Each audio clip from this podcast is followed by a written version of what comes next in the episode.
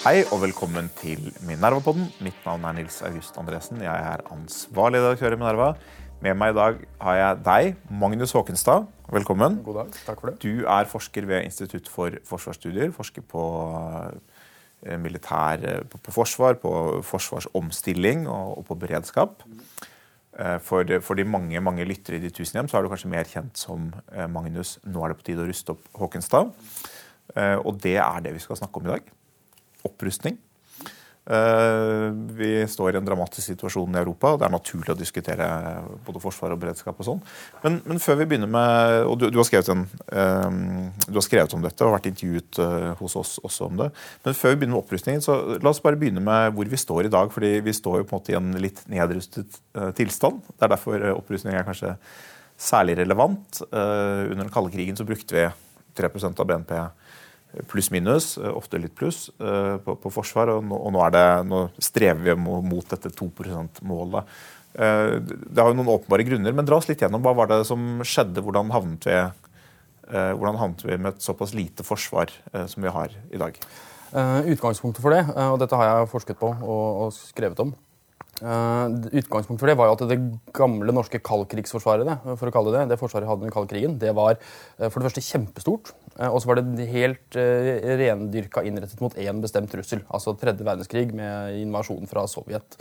Det var også problemet som skulle håndteres. og Uh, tankegangen der var det såkalte totalforsvarskonseptet, hvor hele samfunnet uh, skulle enten gå i krigen eller bistå kampen uh, med alt man kunne.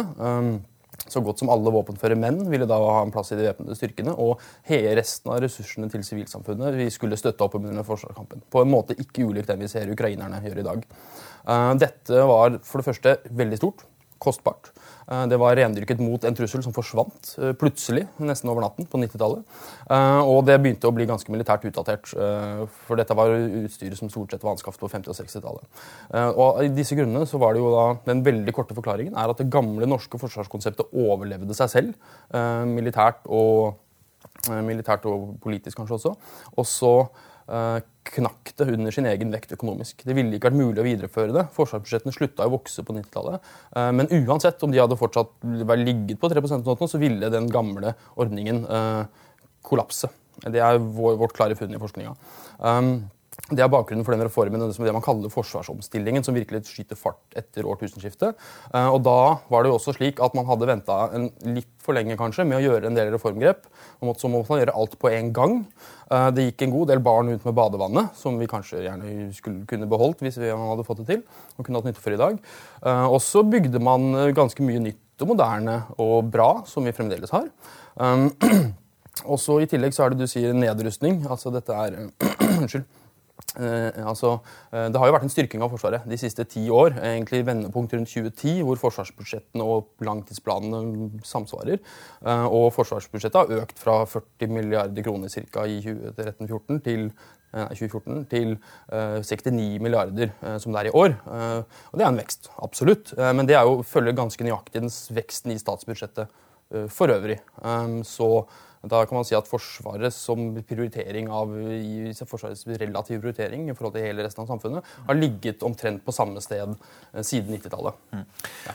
Bare litt- noen oppfølgingsspørsmål. bare. Altså, vi har, det er jo, man har snakket om at det er en omstilling til eh, en mer moderne form for krigføring som, eh, som ikke er basert på, både store militære enheter som kanskje er relativt lite mobile, men men et mye mer mobilt forsvar. Som, som, hvor man har fått like mye igjen for mindre penger og færre mennesker. Altså Forsvaret i dag er jo en mye mindre organisasjon, og mobiliseringsforsvaret har en mye mindre betydning i, i forsvarskonseptet.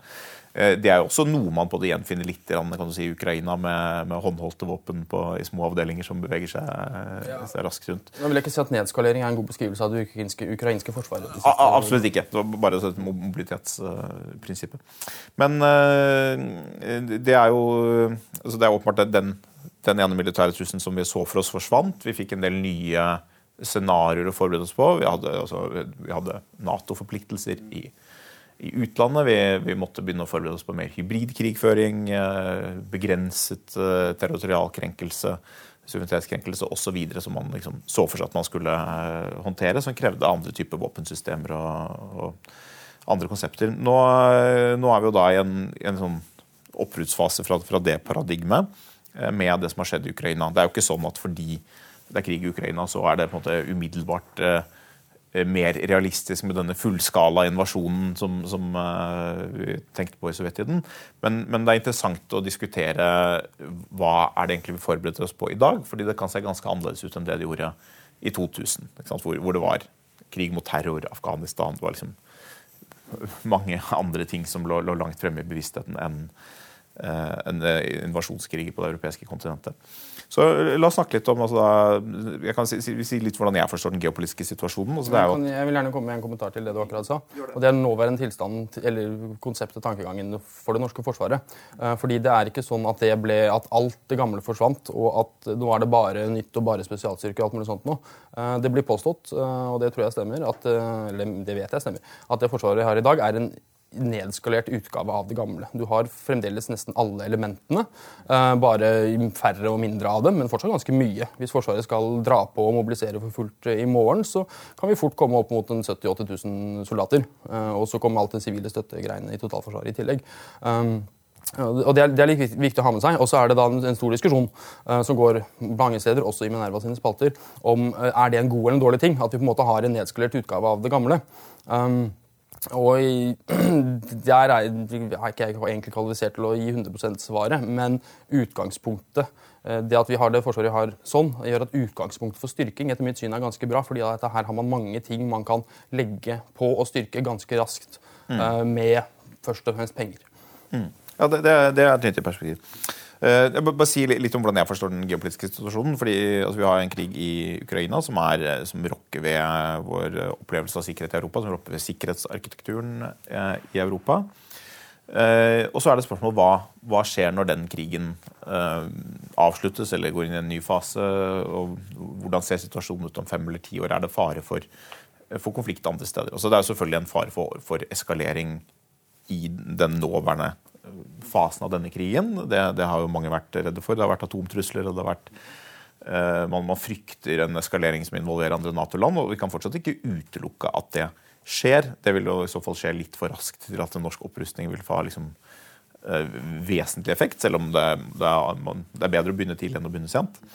Eh, men jeg vil også si at er, eh, vi, ser på en måte et nytt Russland og en ny Eh, akse også Kina-Russland, som, ikke er helt ny, men som, som, har fått en tydeligere manifestasjon nå, som gjør at uh, hele denne uh, amerikanskledede uh, verdensorden, det, det unipolære, unipolære, øyeblikket det er liksom det, Den amerikanskledede verdensorden kan, kan, er ikke avsluttet, men det unipolare øyeblikket er avsluttet. sånn som jeg forstår det. Og det, det har implikasjoner for, for sikkerhet i Europa. Eh, hvordan det spiller seg ut, det vet vi ikke. Men Russlands geopolitiske tenkning er jo veldig preget av at man eh, har en veldig veldig sterk motstand mot en amerikansk ledet verdensorden, mot amerikanske begrensninger på deres handlefrihet i utlandet, og, det som har holdt russisk aggresjon, revansjisme, tilbake de siste 20 årene, har jo først og fremst vært at landet ikke er sterkt nok. Jeg tror ikke det er veldig sannsynlig at Russland vil bli eh, veldig mye sterkere økonomisk og militært, ikke minst med, med de sanksjonene som er osv. Men, men i en allianse med Kina så vil, vil, det ikke være sånn at den militære trusselen eh, Russland utgjør for sine naboland, vil eh, forsvinne. Eh, og, og, det vil og det er mange muligheter for konflikt. Det er Moldova, det er, vi vet ikke hva som skjer med Ukraina, vi vet ikke hva som skjer med Hviterussland på sikt. Eh, det er fortsatt eh, altså I Russland så er det masse snakk om, om Baltikum i, i, i, mediene eh, nå for tiden. Og, og, man har snakket om å bombe litt mål inn i Polen og sånn. Det er også Både i Polen og Romania finnes det deler som har vært en del av det russiske imperiet, som Putin er opptatt av. Så det, det, er, liksom, det er snakk om mange av disse tingene som er, er, i spill. Alt dette er et stykke fra Norge, men med en gang det liksom begynner å bli en europeisk krig, så er det mye, ting, mye som kan skje. Eh, og liksom bare følelse av at en del av den verdensorden som har, har eh, styrt vår måte å tenke på de siste 80 eh, årene, men, men også egentlig kanskje før det, rokkes litt ved den måten Russland tenker geopolitikk på. Dette er mer et gammeldags, sånn det vi oppfatter som et gammeldags styresett, der de normene som har styrt internasjonale relasjoner, er i endring. Og, og, Kina har noe av De har ikke identiske ønsker, men de har den samme motstanden mot den amerikanske begrensningen på hvordan de andre stormaktene får lov å oppføre seg. Så det skaper en, en usikkerhet som jeg mener gjør det veldig naturlig å snakke om opprustning. Eh, det må ses på i en vestlig kontekst, i en Nato-kontekst. Så er det litt usikkerhet på Vi vet ikke helt hva som skjer politisk i USA, som gjør det også det ekstra nødvendig å, å, å tenke på den europeiske biten av det forsvaret. Eh, og inn i det må vi også da tenke en norsk opprustning, for skal, skal Vesten og eventuelt Nato eh, holde fast ved hvert fall si fred i den europeiske sikkerhetsstrukturen, så må man ha tilstrekkelig styrke til å eh, sikre den freden. Eh, så det er mitt utgangspunkt. Derfor er vi veldig glad for å ha Magnus. Nå er det på tide å ruste opp Håkenstad her. Men, men hva tror du, Magnus? Er det, hvor mye tror du vi er villige til å bruke på forsvar? Altså nå Alle har liksom vist en vilje. Vi, snakker om det, det kommer noen milliarder fra regjeringen. men er befolkningen liksom klare til å akseptere at det får en mye høyere vekt i Eh, i prioriteringen i statsbudsjettet. Eh, før jeg kommer til det, så vil jeg bare kort kommentere den geopolitiske analysen. Eh, jeg er ikke geopolitisk analytiker. Jeg er norsk militærhistoriker og forsvarsforsker. Men også kan jeg litt om beredskap. Og min enkle analyse her er at for det første at det er åpenbart at vi står ved et tidsskille, og at det vil være absurd og uforsvarlig å anta at dette kommer til å gå over, at vi snart er tilbake til en slags normaltilstand. Eh, det er det ene. Og det andre er at utfallsrommet her, den vid, mulige videre utviklingen, både på kort og mellom og lang sikt, er, der er det så mye som kan skje, og så mye som kan gå galt, at jeg mener vi må uh, umiddelbart uh, gjøre det vi kan for å ruste både Forsvaret, sivil beredskap, politi, sikkerhet, matsikkerhet, alt det som måtte være, for et veldig bredt spekter av mulige problemer og sannsynlige problemer som kan komme fort og, og vare lenge. Eh, det var det, det, første. Og det andre var hvor mye er folk villige til å betale for det. Jeg bare spørre, hvordan syns du vi, den type beredskapsting, hvordan syns du politikerne håndterer eh, den type spørsmål? Jeg skal være litt forsiktig med å kommentere direkte på den politiske diskusjonen som forsker, men jeg har uh, gjort noen betraktninger gjennom forskning på tidligere norsk krisehåndtering. Um, og den, det, er, er, noe som er interessant, og det er en sånn veldig tydelig tendens som også er bekreftet av diverse rapporter og granskninger og NOU-er. Eh, Gjørv-rapporten, Kvinesland-rapporten etter alle disse krisene. Veldig kort oppsummert så er norsk krisehåndtering på alle nivåer, da, eh, politisk og i samfunnet og, og etaten og alt mulig, det er, det er reaksjonsdrevet, det er, hendelsesdrevet. Det skjer noe, så endrer man tenkning og praksis. Det er det første. Og det andre er at det som Kvinesland-rapporten etter pandemien, eller første runde av pandemien konkluderte med. som kort oppsummert, uh, Dårlig på forberedelse, ganske brukbar på improvisasjon. Det var den norske eh, reaksjonen. Virker å stemme ganske bra generelt. Og det tredje er at særlig i kriser som har et militært tilsnitt, som vi har sett de siste 20 år, uh, 11.9.2001, 22.07.2011 de mest eksemplene. I krise med militært tilsnitt så sitter det veldig langt inne for norske beslutningstagere å tenke på hvilken rolle bør Forsvaret spille i dette. Og det gjelder også beslutningstagerne i militære uniformer. Um, så instinktet, sånn som det ser ut, i det norske etablissementet, veldig bredt forstått Ikke noe spesielt parti, ikke noe spesielle politikere, men det politiske miljøet, embetsverket, offentligheten, media og Forsvaret og krisehåndtererne selv, eh, stort sett. Uh, første instinktet er Oi, nå har det skjedd noe. Uh, håper det går over. Så er, trinn to er Eh, det går ikke over, men vi antar at det verste allerede har skjedd. Så er det fase tre noe må gjøres. Så er det da, setter man som regel først fokus på liv og helse eller det humanitære. Og det er veldig bra og viktig og riktig. Selvfølgelig. Mye å ta tak i der også akkurat nå. Eh, og så går man en masse ekstrarunder om veldig mange ulike temaer. Eh, det er snakket, Etter mitt inntrykk nå så er det mer fornyet EU-debatt enn debatt om behovet og muligheten for å ruste opp det norske forsvaret. For eksempel. Men til slutt så kommer man til saken, og så begynner ballen å rulle. Uh, og jeg mener vi nå er et sted like før den fasen. Og jeg prøver å gjøre mitt beste for å dytte den i gang. I, i Mineros redaksjon så, så har opprustning uh, kom det veldig raskt. for å si det sånn. Jeg må fortelle en liten anekdote. Jeg, jo, jeg jobbet faktisk i, i Forsvaret 11.9.2011. Mm. Uh, og 2001. 2001, unnskyld. 2001, Og da jeg kom på jobb 12.9., så hadde de satt opp sånne jernkors på bakken som eh, skulle hindre Pansersperringer? Ja, men det var liksom foran, foran, brakkene der oppe, hvor de hadde satt opp det med sånne gule Sånn som politiet bruker når de skal sperre et område. Sånne gule teip, lange teipbiter som hindret syklene å komme forbi. Eh, det var, liksom, det var, tiltaket som var, var, innført. Eh, litt uklart akkurat hvilken funksjon det skulle ha. Men eh, da noen av soldatene sa at dette her sperrer faktisk for sykkeltrafikken, så ble det ganske raskt fjernet. Så det, det, sier liksom et eller annet sånn Noe må gjøres. Vi gjør et eller annet som er meningsløst. Og så når det ikke har noen å bety, si, så fjerner vi det. Men opprustning, det har noe å si. Ja, uh, Må kommentere på den anekdoten. Uh, den er gøyal og helt sikkert riktig. Uh, men noe annet som skjedde også den dagen samtidig, var at, eller, var at norske regjeringsmedlemmer var ute og forsikret den norske befolkningen veldig klart og tydelig om dette kom ikke til å involvere det norske forsvaret.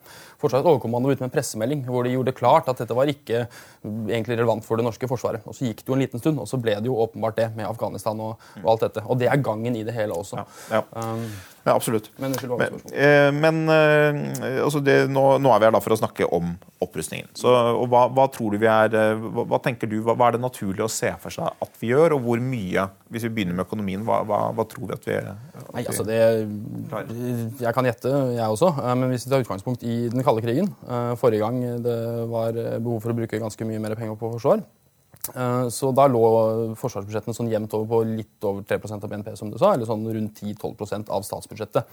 Eh, og det var en situasjon som eh, den lange kalde krigen. Det var ikke mange situasjoner under den kalde krigen som etter mitt syn var mer alvorlig og akutt kritisk enn den vi har nå. Så jeg mener at man må tenke heller i de banene der enn 2 bør være et absolutt minimum nå. Og så må man egentlig dessverre kanskje se på hva er det faktiske behovet, hvor mye kommer det til å koste, og så må det omprioriteres. Altså vi måtte bytte ut litt øh, Man må gå nøye gjennom liksom, hva, hvilke operative kapasiteter er det vi ser for oss, og hva, hva koster det. Det vil jo på en måte være styrende for hva, hva budsjettet øh, ender på. Men det du sier litt er i stedet for å ha som en mental kartreferanse 2% så bør vi bytte ut den mentale kartreferansen med 3% er der vi, det, liksom, det, bør være en naturlig ting å tenke. Og så må vi begynne med den operative analysen. Er litt det du, litt, litt, litt der, men, men, det jeg tar til orde for, har jo tatt meg en frihet til å lansere en sånn eh, sjupunktsplan i VG. Hvordan dette kan gjøres uh, ganske raskt uh, på kort, mellom og lang sikt. Um, og der er det jo det, det, første, altså Vi har jo et forsvar, og det er politisk vedtatt hvordan det skal være. Og det forsvaret vi har i dag, er slett ikke verst på veldig mange måter. Så umiddelbare bør jo være da å bygge opp det sånn at det kan fungere som forutsatt i krise og krig. Det er man jo i gang med nå med den ekstrabevilgningen. Øvelser, materiell Øvelser, aktivitet, materiell, alt mulig sånt. Og mye av det kan gjøres veldig raskt. Og en del sånne ting du ikke tenker på. da. F.eks. at uh, veldig mange sånne administrative støttefunksjoner, uh, sånn som i samfunnet for øvrig, er liksom fjernet. Uh, personalforvaltning og sånn, sentralisert og sånn. Men offiserer bruker mye tid på reiseregninger og alt mulig sånt, i stedet for å utdanne soldater og drive operativ virksomhet. Så, så det å ansette noen som kan ta seg av det. Altså, dette er veldig gammeldags tenkning, jeg vet det.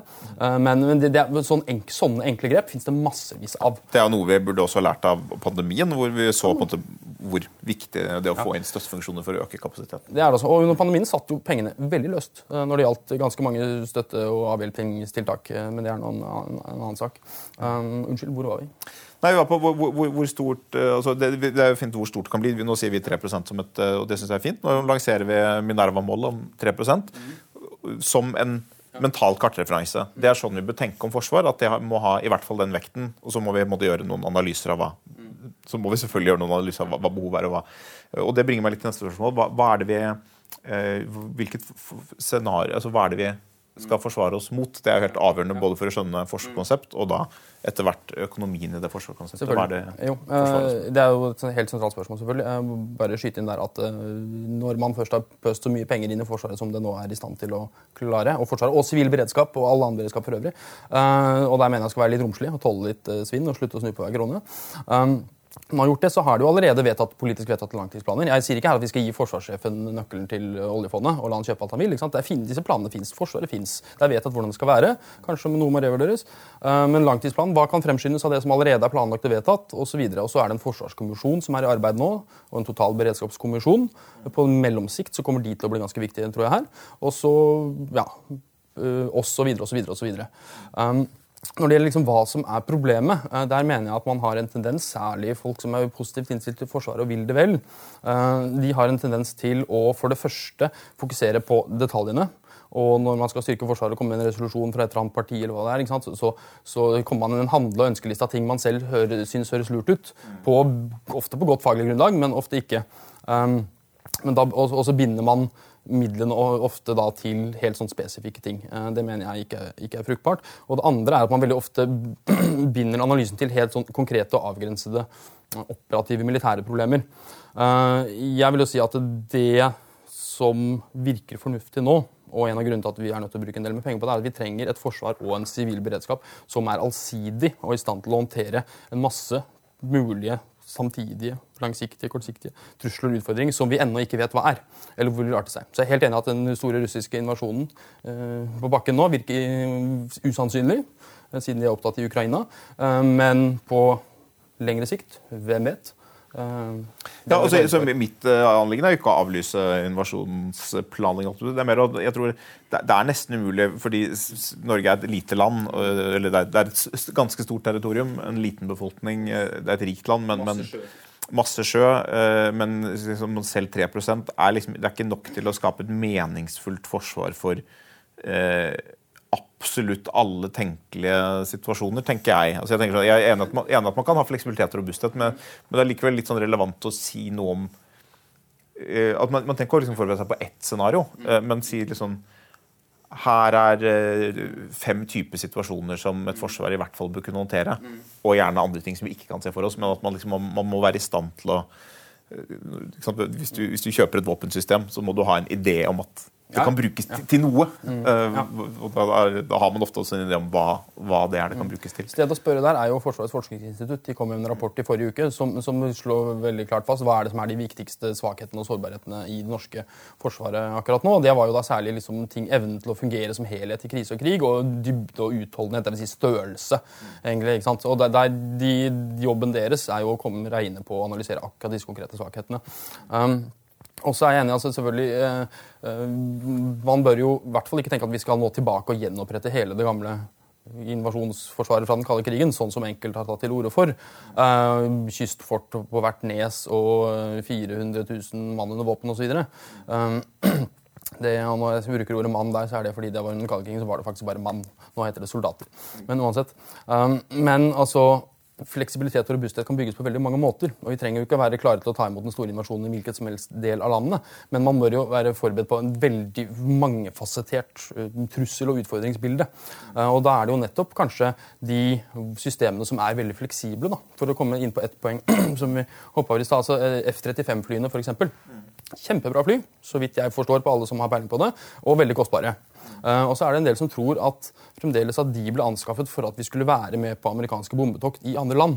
Uh, men hvis poenget med det norske forsvaret var å mm, være med amerikanerne og vise at vi, vi, vi, vil støtte dem, så de skal støtte oss, så vil det finnes veldig mange veldig mye billigere måter. F-35 er som skreddersydd for den type problemer vi ser, eh, vi, vi ser nå. De er, de er men de er først og fremst kjempegode på, altså på hjemlandsforsvar. Da.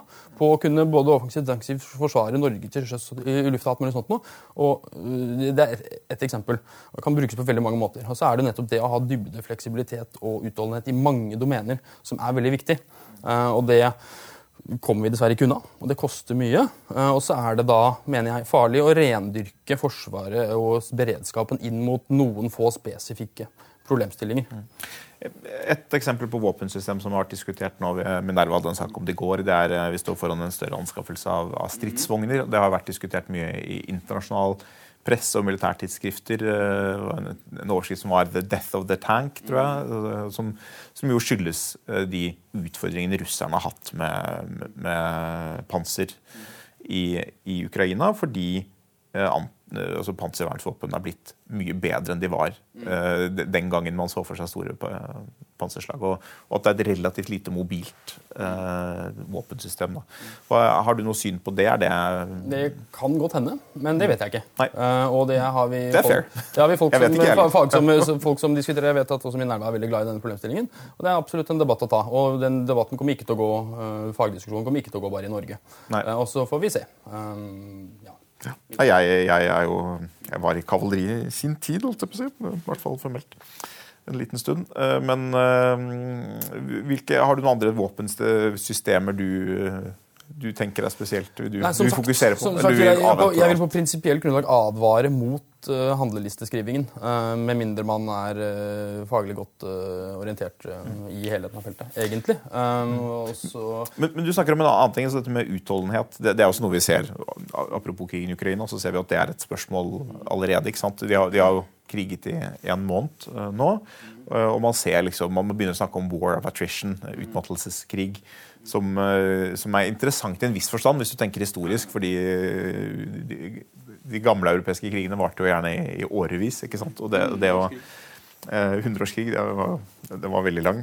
Eh, kanskje ikke krig hele tiden. Men, men eh, det å, at hele samfunnet tåler eh, en militær konflikt over tid. Du snakker, du snakker om utdannelse, du snakker om sivil beredskap. Kan du si litt mer om den sivile biten av det, at hele samfunnet er innstilt på ulike typer kriser. Det er interessant å se den pandemien vi har gått gjennom, hvordan den eh, Vi mangler kanskje planverket, men den improviseringen og mobiliseringen av samfunnsressurser, både økonomisk, men også i form av altså lover og reguleringer og befolkningens eh, frivillige oppslutning og handling, handlinger, som som var en, en totalmobilisering som, som, vi ikke har sett i fredstid før, som vi også, også ble sagt. Vi, det er jo ikke en modus som jeg tror det er sunt å være i for et samfunn hvis det er til å unngå. Det er ikke alltid det er til å unngå, men, men hvis det er til å unngå, så bør man ikke gå rundt i den modusen hele tiden. Men, men du, du, det virker som du sa litt til orde for at vi må, vi må ha en styrket beredskapstankegang i samfunnet eh, med oss mer permanent. Mm. Kan, kan, du si litt om det hva, det, hva det betyr? Ja, Det er jo veldig godt oppsummert. Og, og det betyr jo nettopp at, at, eh, som vi nå har vært gjennom en pandemi og, og sånn som det vi står i nå, så er jo nettopp det at samfunnet som helhet er robust og motstandsdyktig mot alle slags problemer og påkjenninger. Det er veldig viktig. Um, I den kalde krigen igjen så var det jo dette, hele dette gammeldagse totalforsvarskonseptet som faktisk var totalt. da, Hvor man så for seg en total krig, uh, hvor det totale forsvaret skulle egentlig sluke hele samfunnet. og gjøre det i stand til å forsvare seg. Eh, og så forhåpentligvis overlevde man og kunne gå tilbake til eh, hverdagen. Eh, og Man har jo fortsatt totalforsvaret, et begrep og et konsept som brukes, som er revitalisert i Norge og har vært jobba mye med de siste åra. Bredt sivilt. Ikke bare Forsvaret, men også da Direktoratet for samfunnssikkerhet og beredskap og kommuner og statsforvaltere og alle disse nivåene som på en eller annen måte skal spille inn. da. Private aktører, privat næringsliv, alt mulig sånt noe. Fins det et planverk for dette som er, er godt nok, mener du? Eller? Ja, altså det har, det har vært både jobba mye med, og det har vært, uh, vært øvd mye. Så, så det, og det er denne store Cold Response-øvelsen for eksempel, og drives litt uh, på mange måter av den tankegangen. Mye sivil logistikk inne der, f.eks. Så, så dette er Men det krever jo også at, at, man selv om man jobber med noe man ser som helt umilitært, og det så vi også under korona, at du kan plutselig være det som blir kalt en kritisk samfunnsfunksjon, selv om du ikke har noe med helsevesenet å gjøre. Og du kan oppleve at Mange av de samme vil oppleve at de er også veldig veldig viktige i en militær aktig krisesituasjon, selv om de aldri har, ikke har noe til overs for Forsvaret og aldri har hatt noe med det å gjøre heller. For det er samfunnet som helhet, er altså funksjonsdyktigheten under press uh, som er viktig. Og det krever praktiske og mentale forberedelser. Og uh, så, sånn som jeg ser det nå, krever det mye mer praktiske og mentale forberedelser enn det vi uh, hittil har gjort. Hva tror du, Hvis du skal både vurdere litt den politiske situasjonen Vi sitter her og snakker om 3 og, og slenger det ut. altså Det er klart at det er en, det er en økning på et ett prosentpoeng, fra, litt mer enn det, fra det nivået som er i dag. Det betyr en økning på over 30 milliarder kroner. Eh, det er jo eh, for, oss som har lett etter ting som kan kuttes i statsbudsjettet, er jo ikke det noe vanskelig å få til akkurat. Men, men hva, eh, hva, tror du selv? Hva, hva, tenker du om den politiske debatten i dag? Er den er den preget av det alvoret som du mener er nødvendig, eller er den eh, Hvilket stadium er vi på denne beredskapshåndteringen? Som, som jeg vel var inne på, så, så jeg mener at vi er ikke helt der ennå. Eh, men jeg tror vi kommer dit, for det er litt, så, litt sånn disse tingene går. Det samme så vi med koronaen også. Eh, hvor tiltak, de store, kraftige tiltakene den dagen da Norge stengte ned, ikke sant? de kom like et, noen dager etter at etterspørselen etter tiltak virkelig hadde begynt å bli stor. og Folk tok ungene ut av skole og barnehage, og alt sånt, så da var det aksept for at man faktisk gjorde noen veldig kraftige grep. Um, og, uh, det men det er ikke sikkert at, og det fungerte jo veldig bra, men det er ikke sikkert at det er den tilnærminga vi bør bruke nå. Uh, og her mener jeg med fordel at myndighetene, ikke minst Forsvaret selv, kunne være, ta en tydeligere rolle i å kommunisere rundt dette til befolkningen. Uh, legg merke til hvor lite du hører fra forsvarsledelsen i denne krisen, sammenlignet med hvordan vi hørte fra Helsedirektorat og Folkehelseinstitutt og Nakstad og alle sammen og fikk ta del i beslutningen og tankegangen til en stor grad. Selvfølgelig kan man ikke gjøre det i en militær krise hvor det er mye som må holdes hemmelig, men her i, i denne situasjonen så er, er, synes jeg det er verdt å reflektere over hva som er beveggrunnen bak at Forsvaret som institusjon, ikke enkeltforskere som meg og de andre med uniform som du ser på TV, at, det, at Forsvaret er forholdsvis eh, holder en forholdsvis lav profil i dette. Forsvaret i Norge har vel, eh, og i en del andre land også, har vel tradisjonelt vært veldig tilbakeholdne med å uttale seg av, av noen veldig viktige prinsipielle ja, grunner. veldig viktige prinsipielle grunner. Men, og, og det, det, er åpenbart tatt en vurdering her, og det kan godt hende den er veldig god og fornuftig. Um, men, men også, man bør også være åpen for muligheten at dette er det samme instinktet som jeg nevnte. Uh, at noe av det siste man tenker på i en krise med militært tilsnitt, er hvilken rolle skal Forsvaret spille.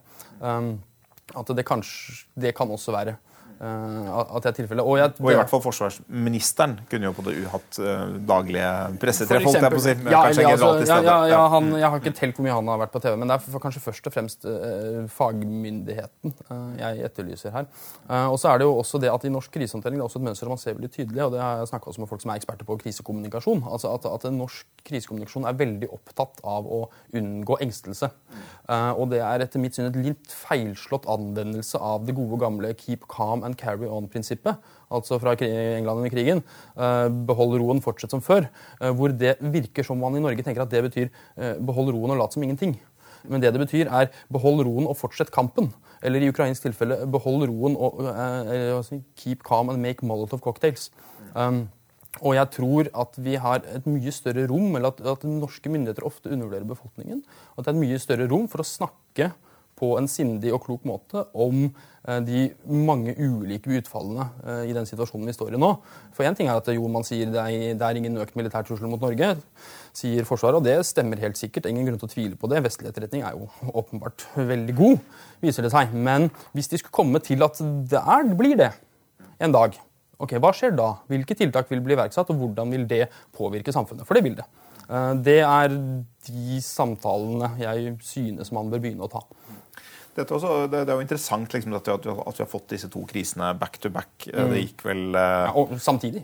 Det er jo korona. Ja, ja, ja, ja, men, ja absolutt. Men, men i, hvis vi tar den norske politiske konteksten, så var liksom pandemitiltakene var ferdig 13.2. og 12.2., og så gikk det tolv dager, og så begynte krigen. Men, men vi, det var jo på en måte mye, mye, galt man kan si om korona, men det var en god eh, stresstest på, på mange funksjoner i, i samfunnet, og også på Eh, krisekommunikasjon og mm. kommunikasjon av alvor. For, det, for det, var jo, det var jo etter hvert noe vi ble flinke til i en viss forstand. Keep calm and carry on. Altså det var, eh, så, så, det er jo spennende å se om vi får, eh, får det til nå. og Det er interessant å se. Jeg vet ikke om du vil, det, det nå, vet ikke om vi skal gå litt utenfor ditt fagfelt. og Nei, å, se på den vestlige responsen mer, mer, allment. og om vi har tro på, altså Det var jo et, det er fortsatt Eh, man gjorde jo mye mer enn mange hadde sett for seg. Man gjorde det raskere og mer samlet enn mange hadde sett for seg. Også de landene som har vært mer motvillige mot å være med på forskjellige ting,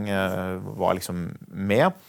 Men har du tro på at, det, at Vesten som, som sådan tar på, på, alvor denne mer sånn geopolitisk orienterte trusselen? Da, at man klarer å bevare denne samlingen? At man følger opp med resolutt handling i land som er redd for økte oljepriser og, og allerede sliter med budsjettproblemer og, og, sånn. Og så kommer vi til å se en tysk opprustning, sånn som de har varslet. Eh, kommer, å, kommer, EU til å klare å holde sammen? Kommer man til å eh, finne svar på energispørsmålet? Skal du synse litt? Ja, altså, jeg kan jo synse litt. Altså, jeg har mye mer trua på det nå enn jeg hadde for en drøy måned siden. Eh, så det har jo vært på mange måter oppløftende, den responsen som har vært syns jeg. Eh, og så når det gjelder da alle de forskjellige nei, så kanskje. Hvem vet? Eh, jeg har trua, jeg.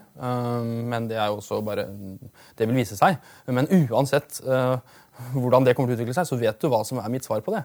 I alle de situasjonene så vil et styrket norsk forsvar og en styrket norsk beredskap generelt være et av de viktigste aktivene vi har. Ja, Og det vil også være vårt bidrag til Nettopp. denne ja. europeiske responsen. Mm. Magnus, nå er det på tide å ruste opp Håkenstad. Tusen takk for at du kom til Mineralpodden i dag.